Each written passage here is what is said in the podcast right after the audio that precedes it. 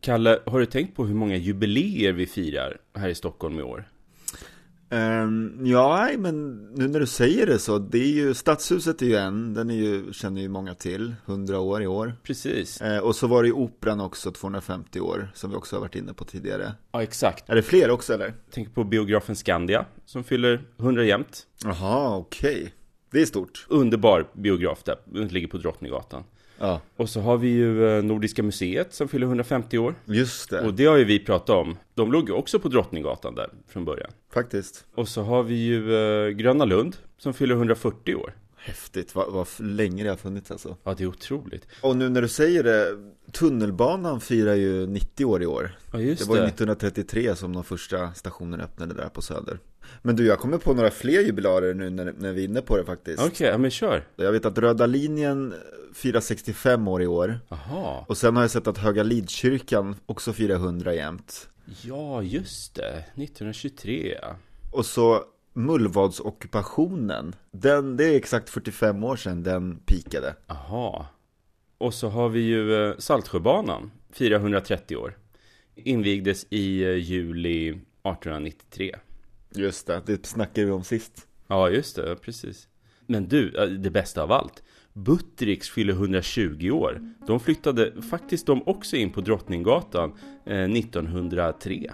Intressant. Ja. Vissa av de här grejerna har ju funnits längre än vad man tror alltså. Ja, verkligen. Men det finns verkligen anledning att eh, fira det här året. Det gör vi.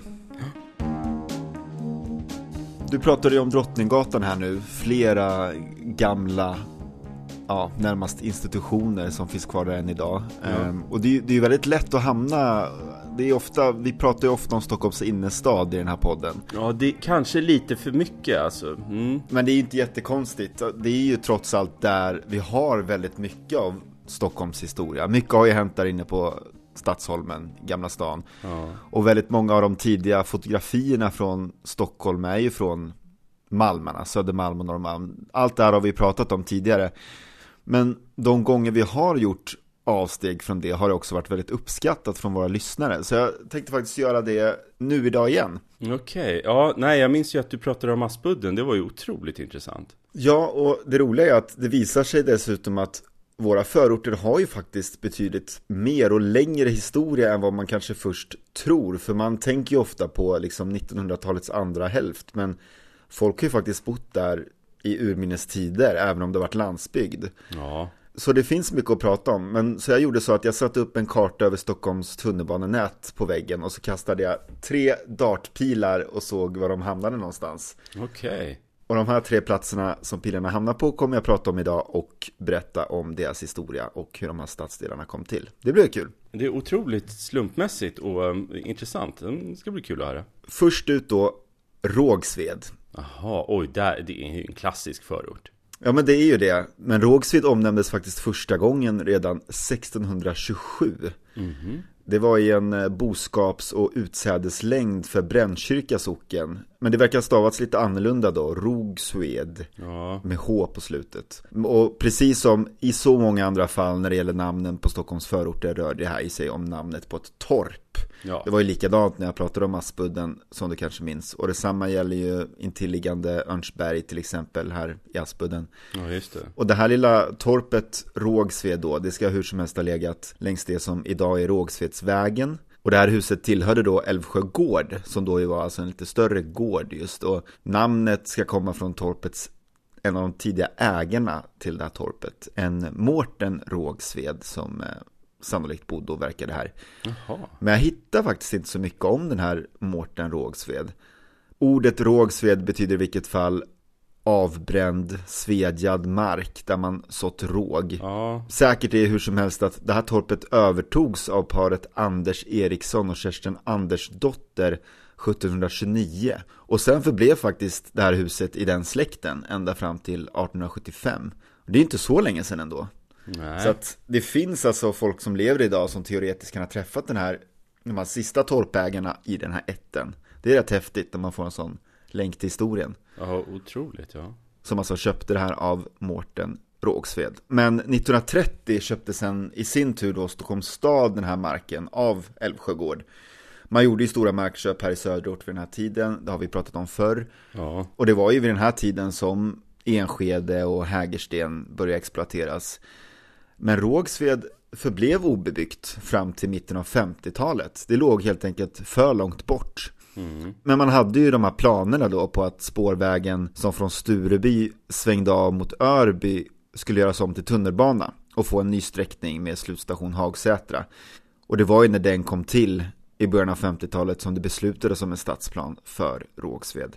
Och sen uppfördes merparten av den här bebyggelsen så som vi känner den idag mellan 1955 och 57 med sitt ikoniska runda centrumtorg, du vet, ritat av arkitekterna Kjell Åström och Lars Bryde.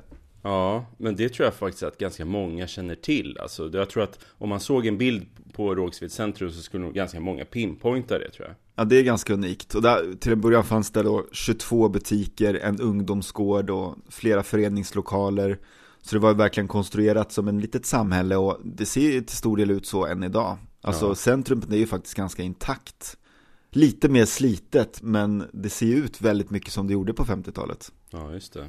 Men det var också nu då, 1956 för att vara exakt, som det här gamla torpet Rågsved faktiskt revs. Ja, Men det finns bilder på det och det var helt enkelt en liten röd stuga med ja, ett eller två rum.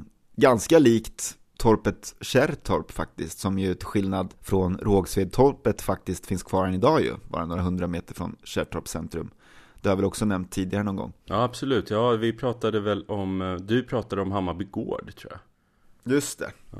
Och här kan det vara på sin plats att nämna också att även Snösätra som ligger intill Rågsved där eh, från början var torp. Och det revs så sent som 1970. Men där finns faktiskt torpets jordkällare kvar idag. Så att de här gamla torpen de lever vidare än idag. Om Ja. än i lite stukad och förbisedd form. Men det är väldigt kul tycker jag. Ja. Men, men där eh, Rågsveds eh, torpet låg, där, är, står det hus där eller är det någon park eller vad? Ja, det var, det skulle exploateras helt enkelt. Det blev några hus där och en parkering. Så att eh, det där huset fick ge vika. Ja. Men tunnelbanans gröna linje då, den byggdes i etapper och drogs alltså till Rågsved, vars station invigdes den 14 november 1959. Och Högdalens tunnelbanestation, den hade ju en kortare tid varit en station då, och så hade bussar slussat folk till Rågsved. Ja, just det. Och 1960 då öppnade tunnelbanestationen Hagsätra där linjen slutar idag. Och det här området ansågs ju som toppmodernt på 1950-talet. Men eh, redan 1970 börjar man tala om Rågsved som förslummat. Och det började ju då kallas för Drågsved. Och Rågsved blev ju också känt på 70-talet som epicentrum för den svenska punkrörelsen. Ja, just det. Ungdomar från hela Stockholm samlades då ju på Oasen, en kulturförening och scenklubb som blev berömt för att Ebba Grön hade flera spelningar där. Ja, ja, såklart. Så det var Rågsved det, vi kastar oss vidare. Okej. Mm. Näst på tur, Tensta. Jaha, oj. Får jag gissa, är det också någon gård eller torp då? Ja, det är det faktiskt. Det är flera gårdar. Jaha. Namnet har funnits länge och det ans man tror att det härstammar från orden tena, som är en slags fiskredskap, en bur, ungefär en sån bur som man använder för att fånga kräftor. Och stad då, som betyder plats eller ställe. Det är väl egentligen samma ord som stad, fast äldre. Och även den här trakten har ju en såklart lång historia och byn Tensta omnämns redan 1538. Då var det två gårdar här, båda ägda av Spånga kyrka. Eh, Så den är äldre än Rågsved, den här stadsdelen, det kan vi slå fast. Ja, verkligen. Och från den tiden och hela vägen fram till 1960-talet så bestod ju det här området av åkrar och skogspartier och de här gårdarna och några torp. Bland dem var ju då Stora Tensta kanske den mest kända, vars byggnader låg på nuvarande kvarteret Stora Tensta vid eh, Stora Tensta gränd. Ja. Men så skulle ju allt komma att förändras på 1900-talet som på så många andra platser. En explosion av innovation och ekonomisk tillväxt gjorde att man ville exploatera även det här området. Ja.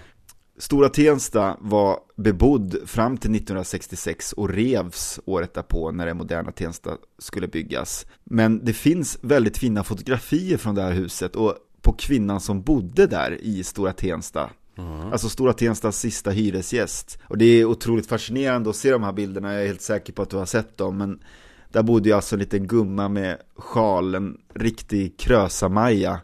Och hon fick alltså flytta ut 1966, då det sista av gamla fattig-Sverige försvann kan man kanske säga. Otroligt alltså, men vad sent ändå. Ja, det är häftigt. Det är häftigt att se faktiskt. Det är liksom en rest av gamla Sverige. Ja, och så känns det som att det bara var några år senare som det plötsligt stod stora lamellhus och separerad trafik och Verkligen, det är, det är otroligt. Jag tror Fredrik Lindström har väl sagt någon gång att det finns inget land i världen som har gjort en sån stor förvandling som Sverige gjorde 1965 till 75. ja, Från ett land i, i liksom eh, Europas utkant till toppmodernt. ja, Men den här förändringen som rent visuellt tycks ha gått väldigt fort, den hade ju sin grund i långtgående planer. 61 år tidigare, 1905, hade Järvafältet köpts av staten för att användas som militärt övningsfält. mm. Och de här delarna inlämnades så småningom i Stockholms kommun. Och eh, i riksdagsvalet 1962, då kom den så kallade Järvabomben, där man utlovade bostäder för 160 000 människor eh, på Järvafältet inom åtta år. Oj.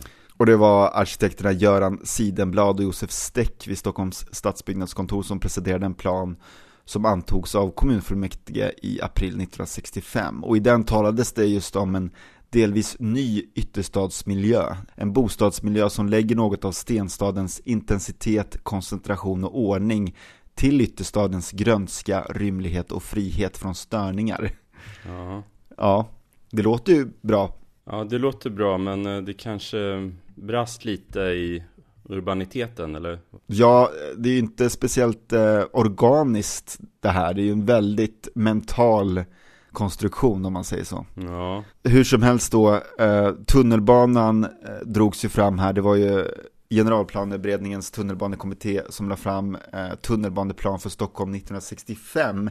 Där man då i nordväst planerade de linjer som i stort sett finns idag till Tensta och Kista. Men Kistagrenen var ju först tänkt gå vidare norrut och avslutas vid Bögsgård strax söder om Häggvik. Men så blev det aldrig. jo, men det har jag sett en karta på, som, den är nog ganska känd och vi kan ha pratat om den tidigare, jag vet inte. Men om det gamla Tensta var äldre än Rågsved så kommer det nya Tensta alltså bli något nyare än nya Rågsved. För nu hade ju reformprogrammet Samlat program för samhällets bostads och markpolitik trätt i kraft, mer känt som miljonprogrammet. Ja, just det. Så den här stadsdelen fick ju, som vi är inne på här, lite annan utformning. Dessutom med de här berömda trafiksepareringarna som du pratade om, alltså Ja. där fordonstrafik avskiljs helt från övrig trafik med sådana här planskilda korsningar. Något som verkligen är definierande för miljonprogrammet. Ja, Det första spadtaget togs i november 1966 och redan året därpå skedde den första inflyttningen. Och de första som flyttade in här, de fick ju bo på en byggarbetsplats med tillfälliga matbutiker i baracker och en provisorisk busslinje och bristande social service. Och en av de stora aktörerna var ju Svenska Bostäder och de informerade sina hyresgäster i en broschyr 1969 att vi vill uppmärksamma er på att ni flyttar till en stadsdel i vardande. Ni kommer med andra ord en tid framöver att bo på en byggarbetsplats med allt vad det innebär. Och de här problemen ledde till att Tensta fick utstå rätt mycket kritik här i början, speciellt i massmedia. ja, Men situationen förbättrades ju i takt med att stadsdelen växte fram och ja, sociala inrättningar och skolor och sånt kom på plats. Totalt uppfördes 6200 bostäder här i Tensta mellan 66 och 72. Och 1972 då när byggandet var helt klart här, då eh, hade förorten sitt högsta invånarantal med nära 16 000 individer. det är en, en väldigt stor förort om man jämför med... Det är det. Eh, Det är, det, väldigt många verkligen. människor alltså. Precis, och sen kom ju under liksom andra hälften av 70-talet och framåt 80-talet kom en allt större del av de boende här utgöras av personer med invandrarbakgrund. Och den största moderna förändringen av Tensta, det skedde egentligen då på 80-talet då de här tre butiksbyggnaderna vid Tenstagångens södra sida byggdes samman med höga glastak. Så man fick liksom en inomhusgalleria där. Och då byggdes också Tensta gymnasium och Tenstahallen och Tensta träff.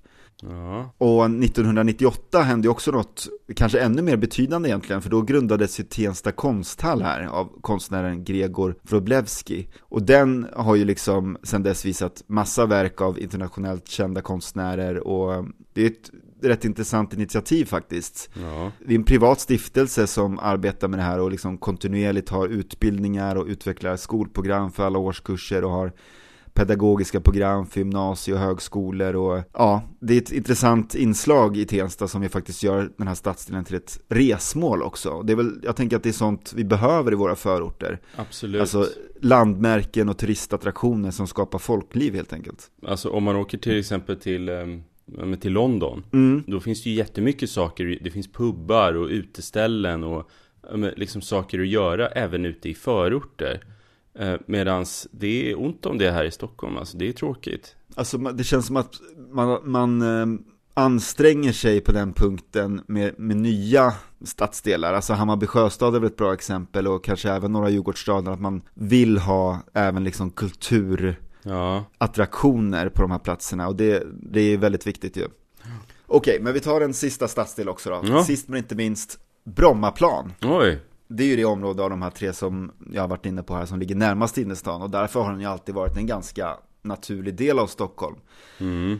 Och här har ju folk bott praktiskt taget i alla tider. Ehm, Man antar att Bromma ursprungligen var namnet på en by som låg där Bromma kyrka sen skulle komma att byggas under 1100-talet. Ja, den är otroligt gammal. Så det, är- det här goes way back. Man har liksom inte ens tydliga belägg för när eller hur det här namnet kom till. Men man tror att ordet brom betyder knopp eller växtskott. Tycker jag nästan man hör lite på det på något sätt. Ja, men har de inte eh, bromsten, bromsten där uppe också? Just det, men det är ju liksom lite relaterat namn där.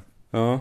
En teori är att det här namnet kommer från att beteckna en skogshöjd som fanns här som liksom sköt ut fram mot en forntida vik som låg här. Jaha, ja. För grejen är att under vikingatiden då hade Bromma massvis av vattendrag. Det fanns ett sund då som sträckte sig från nuvarande Ulvsundasjön över Lillsjön och Brommaplan till den lilla sjön Judan. Och här låg de flesta av Brommas liksom betydande små gårdar under medeltiden. Mm. Och då pratar vi just om Ulvsunda, Linta, Riksby och Nockeby bland annat. Ja, just det. Och de här gårdarna kom i de flesta fall så småningom att ägas av kyrkan. Så det var inte jättemånga liksom, invånare som bodde här. Eh, men under stormaktstiden då koncentrerades markinnehavet här till några få större gods. Bland annat var det greven Lennart Torstensson som förvärvade Ulfsunda slott och Linta by. Under honom och hans efterföljare byggdes godset upp till att omfatta ja, hela östra halvan av Bromma egentligen. Ett 30-tal torp och stugor som ingick i det här godset. Och parallellt så förvärvade riksmarskalken Åke Axelsson natt och dag närliggande Nockeby gård. Och han lät bygga Åkeshovs slott. Jaha, okej.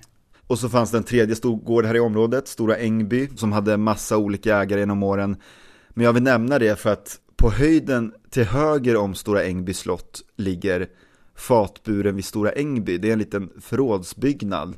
Jaha. Den uppfördes på 1690-talet, eh, delvis av stockar från den här medeltida byn, tror man. Och det här förrådet anses vara Stockholms äldsta träbyggnad faktiskt. Åh, vad häftigt. Det har jag aldrig hört talas om.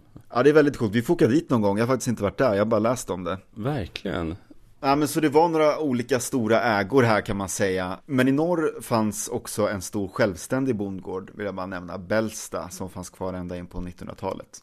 Mm. Hur som helst då, mot slutet av 1700 och början av 1800-talet så började de här godsen fragmenteras. Rika stockholmare köpte mark till sommarnöjen här och ja, till exempel Johanneslund, Traneberg, Alviken, Smedslätten och Äppelviken. De blev ju här eh, sommarnöjen helt enkelt för eh, rika stockholmare. Ja, just det. Då började den här delen av Stockholm förtätas helt enkelt. Men inte på ett innerstadsvis. Nej, lite mer lantligt, lite mer eh, med stugor och hus, eller hur? Och villor. Ja, det är fina hus där ute. Verkligen. Och sen började ju också flera industrier etablera sig här. Först bland annat Ulfsunda fabrik, även känd som Ulfsunda stengodsfabrik, Jaha. som låg vid Ulfsundaviken i nuvarande Margaretelund, en porslinsfabrik. Ja, ja. Sen även eh, Stockholms benmjölsfabrik i Traneberg, Oj. Där idag bostadsområdet Minneberg ligger. Aha. Och sen eh, Klara stearinljusfabrik. Och på 1890-talet var hattfabriken i Mariehäll Brommas största industri faktiskt. Glöm aldrig hattfabriken. Den är viktig att komma ihåg. Och i Mariehäll fanns också cigarrfabriken i Skandinavien där man tillverkade snus och piptobak där Karl eh, Bodin var innehavare 1890 till 1902. Det blev väl ett stort industriområde här? Uh, Ulvsunda industriområde. Precis. Jag, jag, vet att även Prips har legat där. Okej. Okay. Ja men det var ju här precis förra sekelskiftet då. Uh, även elektriska AB Volta, Aha. Johan Olssons tekniska fabriker. Ja, det fanns ett gäng. Ja. ja men så det, det, började ju förtätas här helt klart och spårvagnslinje nummer 12 följde med byggnationen. Den pratade jag ju om i förra avsnittet. Ja, just det. Eh, det är ju den som kallas Nockebybanan va? Ja, precis. Ja, den är en fin, fin liten vagn. Och Bromma kommun uppgick ju då i Stockholms stad 1916. Mm. Och 20 år efter det då sen invigdes ju den plats som skulle sätta det här området på världskartan och göra det här ortsnamnet känt över hela världen egentligen. Ja, jag tror jag förstår, ja. ja, Bromma flygfält. Just det. Sedermera Bromma flygplats som ju ersatte Lindarängens flyghamn intill Värtahamnen där som vi har pratat om tidigare. Ja, äntligen fick man landa på land. Ja, nej men precis. Det var lite besvärligt där i Lindarängen för man kunde inte använda den på vintern när sjön var frusen. Ja, och med teknikens eh, framfart så behövde man inte ens landa på vatten längre. Så att eh, det här blev Stockholms då enda flygplats egentligen och förblev så tills Arlanda öppnade på 60-talet. Ja. Och på just 60-talet då förtätades ju Bromma allt mer med hyreshusbebyggelse, en förtätning som fortfarande pågår medan bebyggelse med radhus och villor egentligen helt har upphört nu. Bromma har ju helt enkelt blivit en tätt integrerad del precis bredvid innerstan och kommer ju sannolikt fortsätta växa och bli allt mer av en stenstad egentligen med tiden. Och vem vet, i framtiden kommer kanske helt nya bostadsområden poppa upp här i och med att man faktiskt diskuterar en nedläggning av just Bromma flygplats och en exploatering av den marken. Ja, det ska bli intressant att se alltså. Ja, vi får väl se vart det där landar. Det ligger väl ett tag bort i alla fall, oavsett vad. Men i teorin, om det nu skulle ske, så finns det ju verkligen stora möjligheter. Ja, det är ett stort område.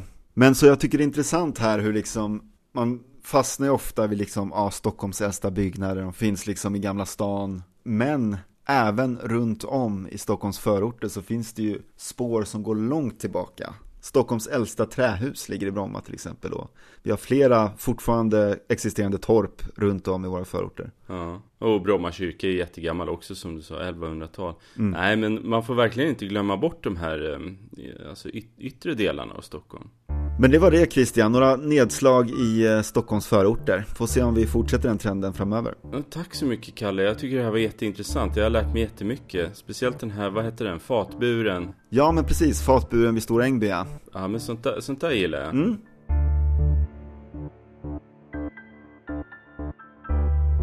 Jag ska ta upp en gata, igen. Oh, ja men det är du bra på. Eh, som eh, jag uppfattar har en synnerligen spännande historia.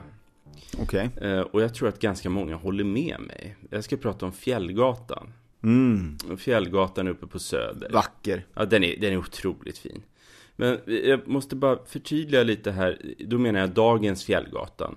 För du minns ju i avsnitt 13 när jag berättade om eh, den lilla kattrackaregränden uppe vid Katarina. Just det. Den som idag heter eh, Höga Stigen. Mm. Det var ju den gatan som först hette Fjällgatan. Från 1872 när en boende hade klagat på namnet Kattrackare i gränden. Det var för obehagligt. Mm. Men eh, jag ska alltså prata om den gata som idag heter Fjällgatan. Och, och naturligtvis så har ju den hetat andra namn förr. Mm.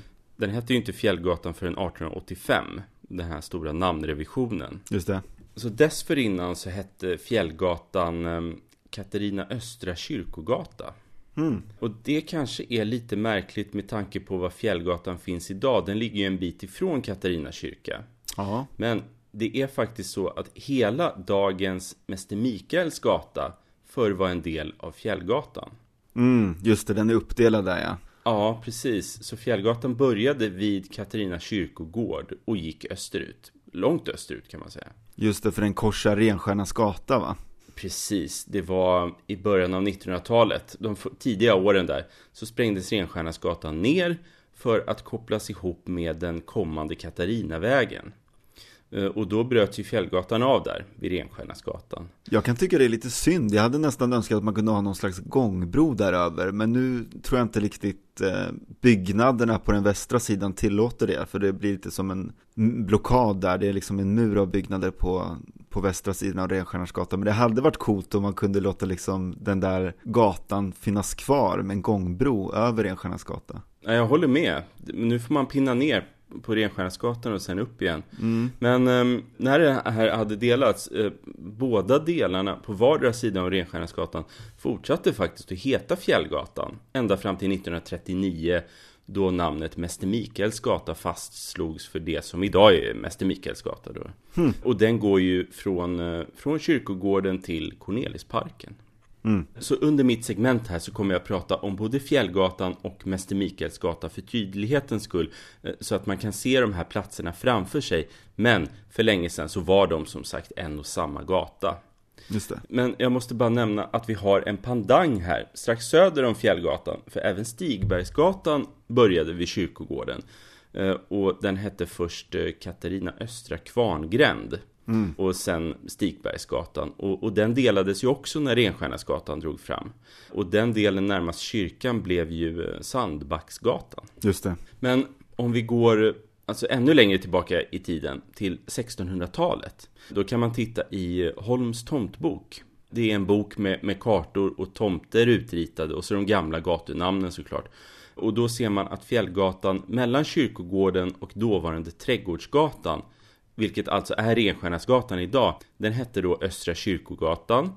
Men bortom Trädgårdsgatan, kan du gissa vad den hette där? Nej. Alltså det här var ju på den tiden en och samma sammanhängande fysiska gata kunde ha sträckningar med olika namn. De kunde byta namn efter en korsning bara. Men jag har faktiskt nämnt vad den hette i eh, avsnitt 10. Mm. Den hette Galjebergsgatan. Just det efter stadens galge här uppe på Stigberget. Ja, ja, ja. Eh, och i, i det avsnittet så berättar jag även om Mäster Mikael då, böden som verkade här uppe. Han, eh, han blev ju själv avrättad på sin egen arbetsplats. Men eh, jag tänker att vi skulle börja promenera längs hela gamla Fjällgatan då. Mm. Och då har vi eh, Katarina kyrka i ryggen. Mm. Och faktum är att Fjällgatan slash Mäster Mikaels gata utgår liksom om man säger från kyrkans centrum. Så om du kliver in i Katarina kyrka och går framåt mot altaret längs mittgången, då går du liksom i Fjällgatans sträckning kan man säga. Mm. Men om vi går ut på själva gatan då så har vi kyrkogårdens grindar i ryggen. Då rör vi oss österut på Mäster Mikaels gata idag. Och du och jag, vi är ju intresserade av historien, eller hur? Mm. Jag har ju hittat en gammal, gammal karta över den här trakten. Och nu snackar vi faktiskt äldre än Holms tomtbok från 1670-talet. Snarare är den här från 1640-talet, alltså gaturegleringens tid. Mm. Mm. Och vad finner vi där vid dagens Mäster Mikaels gata ungefär? Strax öster om Sturekapellet, som ju var Katarina kyrkas föregångare på den här platsen. Mm. Där låg dåvarande Danviks tull. Ah, okej. Okay. Kan du fatta vad sjukt? Alltså, långt innan Fjällgatan ens existerade så låg här Danviks tull precis utanför dagens kyrkogård. Mm. Och, och den flyttade ju såklart österut senare, mot Fåfängan. Det är ett exempel på den här funktionen som vi berörde när vi pratade om just avrättningsplatserna. Alltså sådana här grejer som finns och ska finnas i utkanterna av stan. Just det. De flyttas successivt längre ut. Tullarna är ju ett exempel på det. Vi har ju haft tull vid Järntorget och som sen flyttade till Östgötagatan, Bondegatan och därav hette ju Östgötagatan Södra Tullportsgatan förr. Och så flyttade ju tullen senare till Skanstull. Så att stan slutade helt enkelt här vid eh, kyrkogården egentligen då? Ja, ja absolut. Ja. Så var det landsbygd efter det helt enkelt? Ja, det får man säga. Och det var där liksom bönderna passerade och så avlade de tull när de skulle in till stan och sälja sina varor. Hm. Men eh, om vi går vidare så kommer vi till den del av Mäster Mikaels gata där det ligger en samling gamla, gamla trähus. Eh, naturligtvis blåmärkta av Stadsmuseet och det är den högsta kulturklassningen. Du ser det framför dig va? Ja då, så fina. Ja, och här låg förr Fjällgatan nummer 11. Och det var mer känt som Adlersparreska huset. Mm -hmm. Och det låter ju nästan som att det skulle vara någon sorts palats, alltså typ van der Notska. Eh, men det var ett ganska ordinärt gult stenhus, du vet de där klassiska. Men det stack upp väldigt högt över den här omgivande trakten. Jag ska lägga upp en bild på det här huset i Ekensnackkartan. Mm. Och eh, en länk eh, till den finns i beskrivningen till det här avsnittet. Mm. Men i Adlersparreska huset så bodde i alla fall i slutet av 1800-talet friherrinnan Karin Sofie Adlersparre, född Lejonhuvud. Och hon var änka efter eh, riksdagsmannen och kommendören Axel Adlersparre. Mm. Men det är Sofie Adlersparre som är den viktiga och den historiskt mest intressanta. För hon var mer känd som Eselde och hon var en av våra tidiga kvinnorättskämpar. Och hon startade Tidskrift för hemmet, som sen bytte namn till Herta efter eh, Fredrika Bremers roman. Och hon startade även Handarbetets vänner och Fredrika Bremer-förbundet. Hon var redaktör för tidskriften Dagny. Och hon var medlem i flickskolekommittén och hon var liksom engagerad i sämre lottade människors öden kan man säga. För själv var hon ju både född adlig och gift med en adelsman. Mm, mm de här första kvinnorättskämparna var ju väldigt ofta välbärgade. Ja. Till exempel som sagt Fredrika Bremer och Ellen Ankasvärd och Anna Hjärta Retzius och Ellen Key med flera. Ja, det var väl de som hade tid att ägna sig åt att tänka. Ja, absolut. Men själva Adlersparreska huset då? Det finns faktiskt skildrat eh, av ingen mindre än Selma Lagerlöf. Jaha. För hon var på besök här efter att eh, Eselde hade kallat på henne. Det var runt jul 1886 som Selma Lagerlöf fick ett meddelande hem till sig. Hon var ju lärare i Landskrona då. Och Eselde bjöd hem henne. Och Lagerlöf hade ju vid det här laget närt författardrömmar i 20 år men egentligen inte kommit någon vart. Nej. Så nu bultar kanske hjärtat här när hon ser Eseldes meddelande som dels berättar att hon kommer föra in Selma Lagerlöfs sonetter i tidskriften Dagny.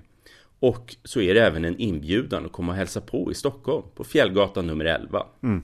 Och Lagerlöf eh, anländer med tåget till Centralen. Det är mörkt och kallt eh, på kvällen strax efter nyåret 1887. Och hon lyckas få tag på en droska och sen blir det en åktur som aldrig verkade ta slut. Så det var över Gustav Adolfs torg, Skeppsbron, Slussen, Katarinavägen fanns ju inte då. Så det fick nog bli kanske den branta Götgatsbacken upp och sen Folkungagatan och kanske Nytorgsgatan. Mm. Men till slut kom hon i alla fall fram nästan mitt i natten och blev insläppt till Adelsparreska huset av någon tjänarinna där. Och så fick hon sova i ett litet kyffe och hon fick inte träffa Eselde för hon låg väl och sov. Men på morgonen då klättrar Selma Lagerlöf upp för alla trappor i det här höga huset som står högst upp på bergskanten ovanför strömmen och så Selma Lagerlöf skriver det var som att komma ut på ett ångbåtsdäck eller på en bergtopp Fri och öppen utsikt åt alla håll. Det var den underbaraste utsikt som väl något Stockholmshus har ägt. Hela staden låg nedanför med husmassor och vattendrag Med tornspiror och rökpelare Alltsammans översvävat av vinterhimlens dimmor och dunster Som skiftade från ljusrött till gråsvart Från ljust violett till rödbrunt. Wow, ja man kan riktigt se, se det framför sig faktiskt. Man kan faktiskt få en aning om den här utsikten för det finns en utsiktsplats precis nedanför där huset låg. Det är den som ligger där Högbergsgatan i stort sett tar slut. Där Katarinavägen ligger nedanför en, en brant där. Mm. Men då, då, får man ändå lägga på tre våningar någonting för att få till Selma Lagerlöfs utsikt från eh, Eseldes hus. Mm. Jag tror faktiskt att den här utsiktsplatsen heter Solrosparken. Men för att avsluta så kan jag säga att det var Eselde som övertalade Selma Lagerlöf att överge dikten till förmån för prosan. Men hon var en hård kritiker, för när Lagerlöf hade skickat sina första prosaförsök till Eselde så fick hon till svar Innehållet gudomligt, stilen avskyvärd. så det var ju eh, rätt hårt va? Men vad är det som händer 1891? Jo, då stod ju äntligen prästen i predikstolen och Selma Lagerlöf slår igenom i Gösta Berlings saga. Och det är kanske tack vare det här mötet mellan eh, Lagerlöf och Eselde på Fjällgatan 11. Mm. Men eh, vad hände med Adlersparreska huset då? Ja. Om man tittar i adresskalendern för 1890 då ser man att ingen mindre än konstnären, eller artisten som man sa då, Georg Pauli bodde här med sin fru Anna, född Hirsch. Mm. Men jag skulle tro att de hyrde in sig hos Eselde för jag har hittat dokument som berättar att Eselde sålde huset till Stockholms stad 1892 för 15 000 kronor. eftersom delar av fjäll och högbergsgatorna skulle ju läggas igen. Det var vid Katarinavägen då som skulle fram här i sinom tid. Okay. Och eh, Eselde själv, hon flyttade till Tunnelgatan 25 alldeles intill eh, Norra Latin.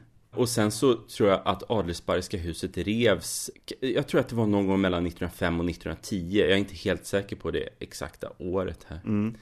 Vi går vidare på Fjällgatan slash Mäster Mikaelsgata då För om vi fortsätter österut Så kommer vi till eh, Cornelisparken ah, ja, ja. Och den tillkom år 2000 Och här finns en eh, Cornelis Vreeswijk-staty av Bitte Jonasson Åkerlund från 2007 och den är väldigt eh, speciell och, och fin. Den är, passar väldigt bra där.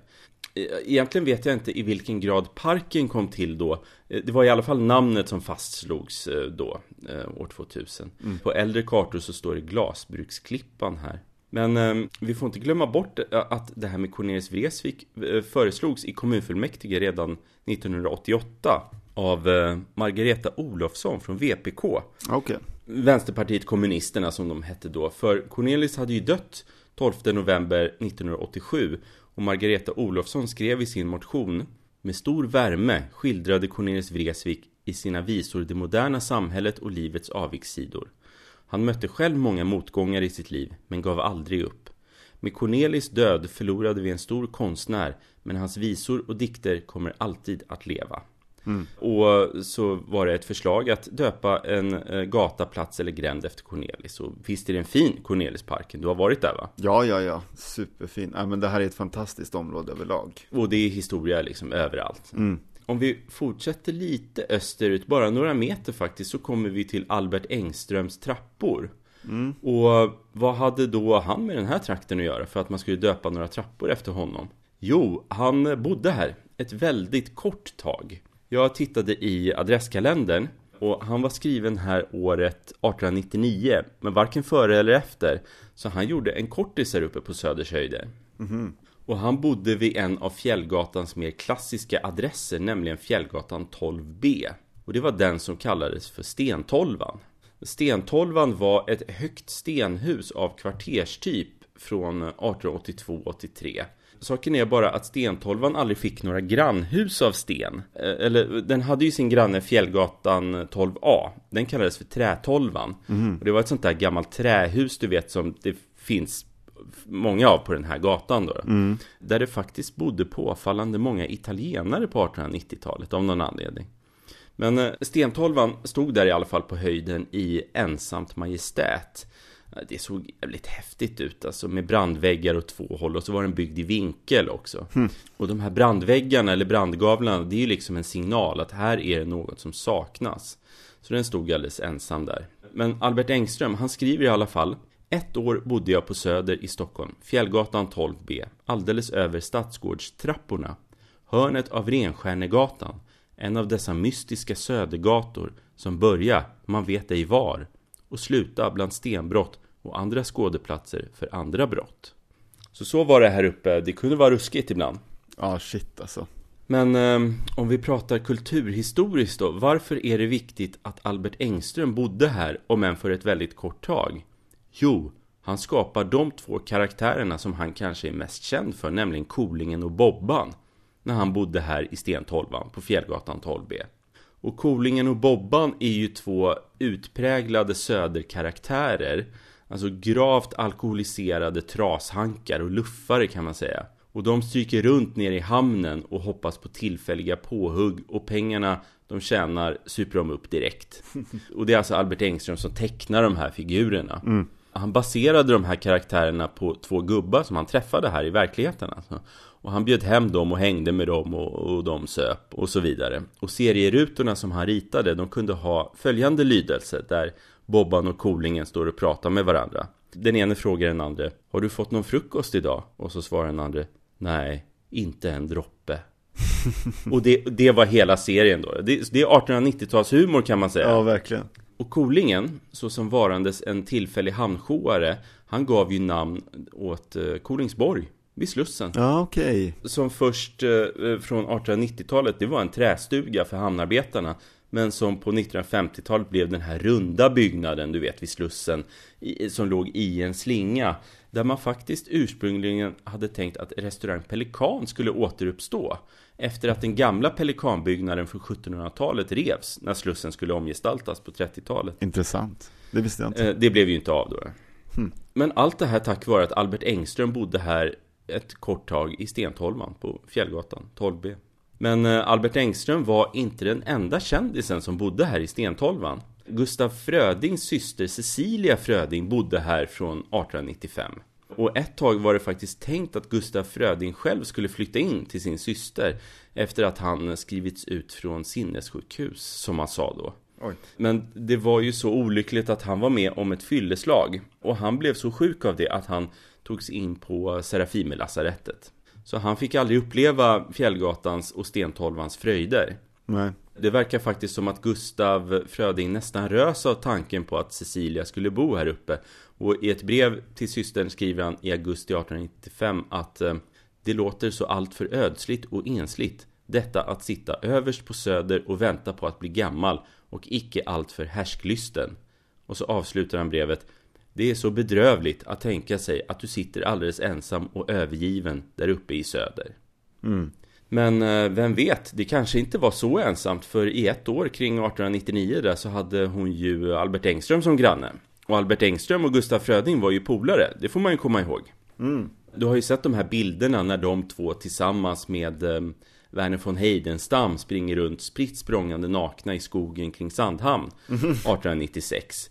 Eh, och, och, och, de leker skogsgudar och, och eh, fotografierna retuscherades. Det placerades ut små, små tallkvistar på eh, strategiska ställen så det var inga alltför ekivoka bilder. Men i alla fall, vem vet? Albert Engström kanske gick upp till Cecilia Fröding och fikade och pratade om Gustaf Frödings hälsa och, och så tittade de ju ut på utsikten såklart här uppifrån. Ja. Men så har vi även mottagaren av Nobels fredspris 1908. Riksdagsman, pacifist och publicist KP Arnoldsson bodde här i Stentolvan. Okay. Men eh, rivs 1938. Och man byggde Hantverksinstitutet här istället. Och det var en, eh, eller det är en modernistisk tegelskapelse. Som faktiskt är ritad av Lasse Berghagens farbror Robert Berghagen. Som var arkitekt. Aha. Den här byggnaden finns kvar idag. Här ligger Vittra, det är väl någon skola då. Och så Sjölins gymnasium. Jag har ingen aning om vad det är, men det stod så på Google Maps i alla fall. Mm. Men om vi går vidare då, så skär ju Renstjärnasgatan igenom Fjällgatan här. Ja. Och det skedde ju då runt år 1900 som sagt. Jag ska inte fastna i den processen, men det jag kan nämna, det är ju Söderbergs trappor. Mm. Och de finns ju idag. De utgår från Katarinavägen och så går de ner till Stadsgården. Ungefär där vid Stadsgårdshissen. Mm. Men Söderbergs trappor utgick faktiskt från Fjällgatan när det begav sig. Innan Renstjärnasgatan bröt igenom berget. Ja men det kan man ju tänka sig. Precis, de här trapporna gick då rakt ut. Alltså norrut från gatan. Och nu går ju Söderbergs trappor längs med klippkanten. Men fram till slutet av 1800-talet så var det ju ingen bergvägg här utan en sån här vanlig bergsluttning ner mot Stadsgården som eh, då bestod av träbryggor och magasin. De här trapporna anlades i alla fall av strump och tröjvävarfabrikören Johan Söderberg på ja, det var 1700-1800-talet. Han hade fabrik här och det var så mäckigt att komma hit upp för sluttningen så han anlade trapporna som fick hans namn. Men eh, vi fortsätter igen, upp till det som idag är Fjällgatan. Ja. Och det första man passerar här, det är en makalöst vacker byggnad. I vad jag förstår en, en nyrenässans. Mm. Kan man kanske säga. På vänster sida eller? Ja, precis. Mm. I romerska siffror står det i alla fall på framsidan 1864. Eh, och jag har hittat ritningarna på Stadsarkivet och det är arkitekten Johan Fredrik Åbom som ritade det här huset. Okay. Och Åbom kan vi ju säga, han har även ritat sådana hus som Gamla riksdagshuset på Riddarholmen. Eh, Katarina Västra skola uppe vid eh, Katarina kyrka. Sällskapet på Arsenalsgatan. Och kanske framförallt Södra Teatern vid Mosebacke. Det var inga dåliga hus. Nej, och det här var alltså Grosshandlarsocieteten som lät bygga det här fina huset på vänster sida där, vid Fjällgatan 23. På initiativ av vem? Jo, han hette Frans Schartau. Mm. Och han var handelsman och riksdagsman. Och det här är alltså det ursprungliga Frans Schartaus handelsinstitut. För det var ju mitten av 1800-talet ungefär och man ansåg att handeln var viktig och skulle bli ännu viktigare, särskilt utrikeshandeln.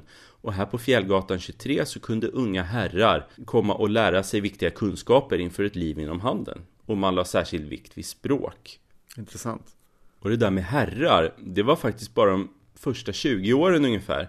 För från 1886 så kunde även unga damer utbildas här. Och när de flyttade till sina nya lokaler lite högre upp på, på Stigberget 1915 Du vet det här stora nationalromantiska tegelkomplexet mm. Då blev här nere då Fjällgatan 23A lokaler för Radiumhemmet mm-hmm. Som drevs av Svenska Cancerföreningen Och det här Radiumhemmet det blev en filial till det första Radiumhemmet på Kungsholmen och man hör ju på namnet här, det är strålning som pågår. Man hade ju insett att man kunde stråla cancer med radiumstrålar och på så sätt ta koll på den. Mm. Och här höll man på med strålning fram till slutet av 30-talet då man flyttade till Karolinska. Men efter att radiumhemmet försvunnit, då blev byggnaden eh, Stigbergets sjukhus 1941. Och det man sysslade med här, det var långvård. Man säger väl inte långvård nu för tiden, men det gjorde man ju då. Mm. Faktum är att Stigbergets sjukhus tillsammans med Åsö sjukhus som låg där nere där Axel Landqvists park ligger idag.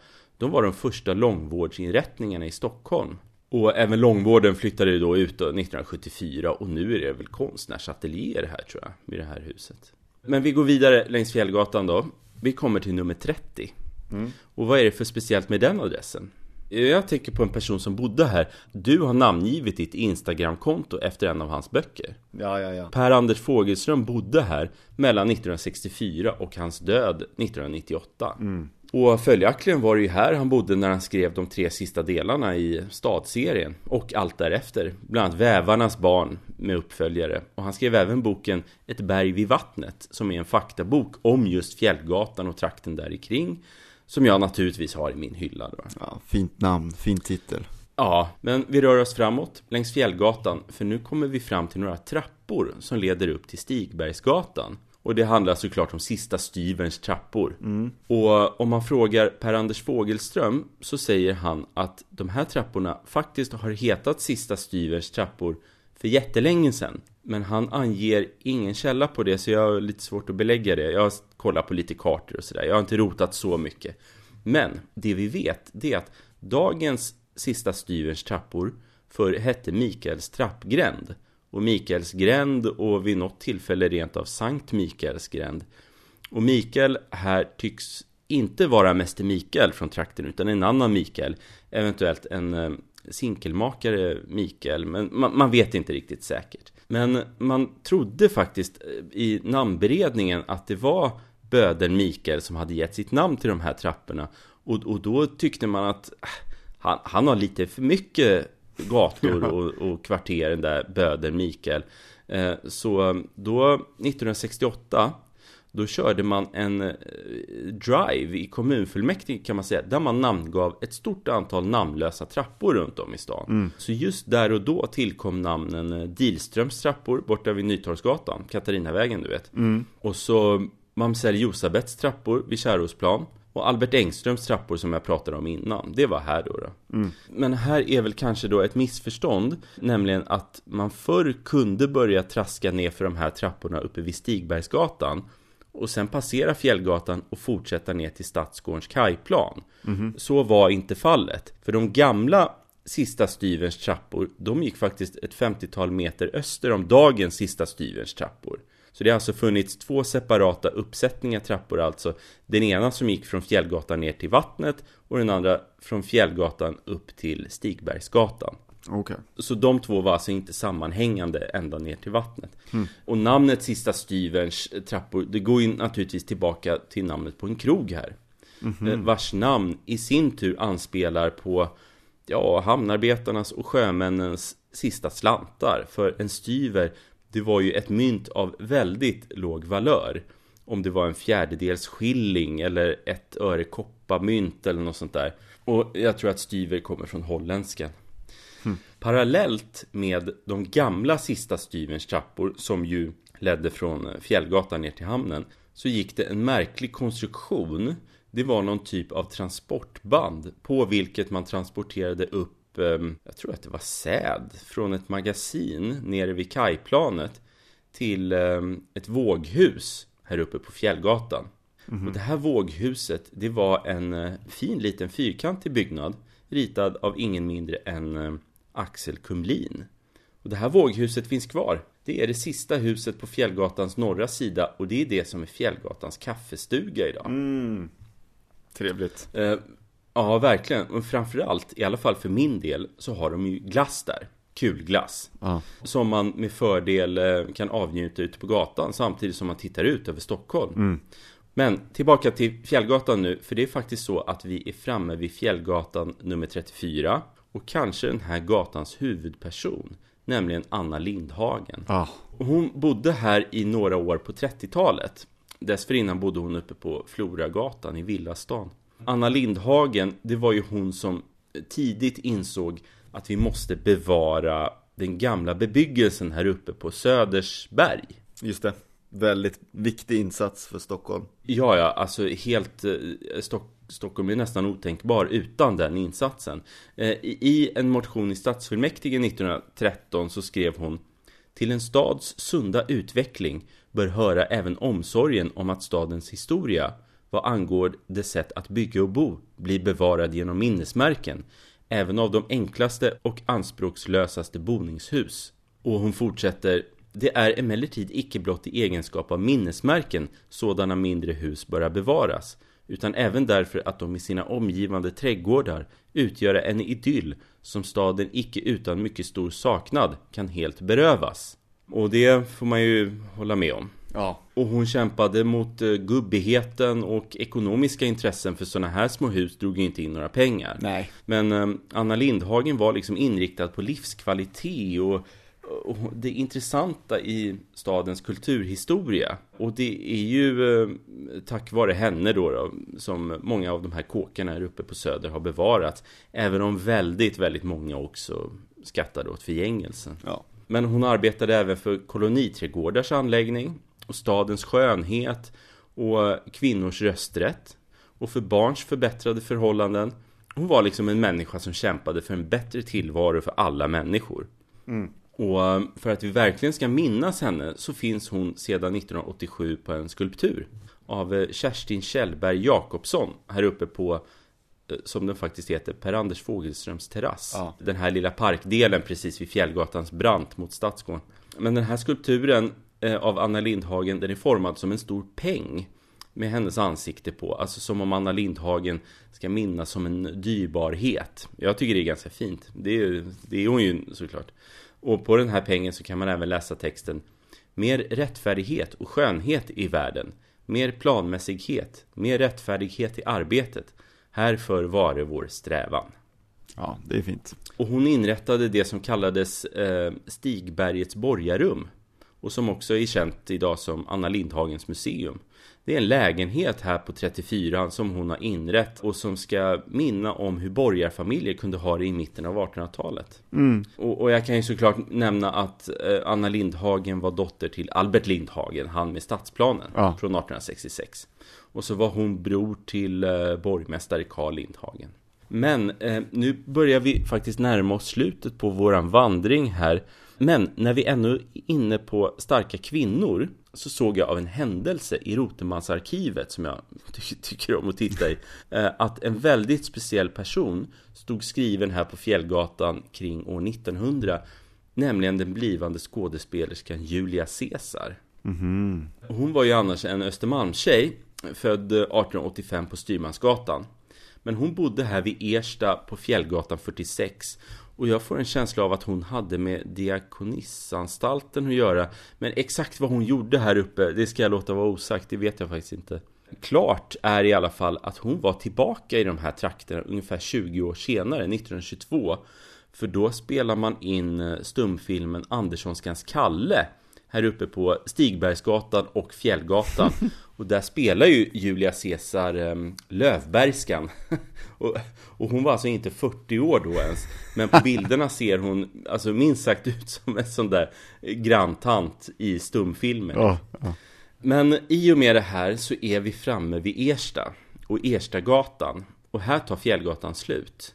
Du hör ju nu att jag har fått hoppa över en massa saker här kring Fjällgatan. Alltså dels processen kring nedsprängningen av Renstjärnasgatan.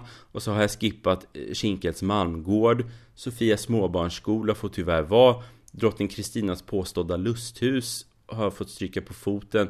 Och August Blanches eh, Flickan i Stadsgården får jag kanske återkomma till någon annan gång. Men du hör ju hur mycket mer Fjällgatan har att bjuda på. Oh ja. Jag måste faktiskt stanna där.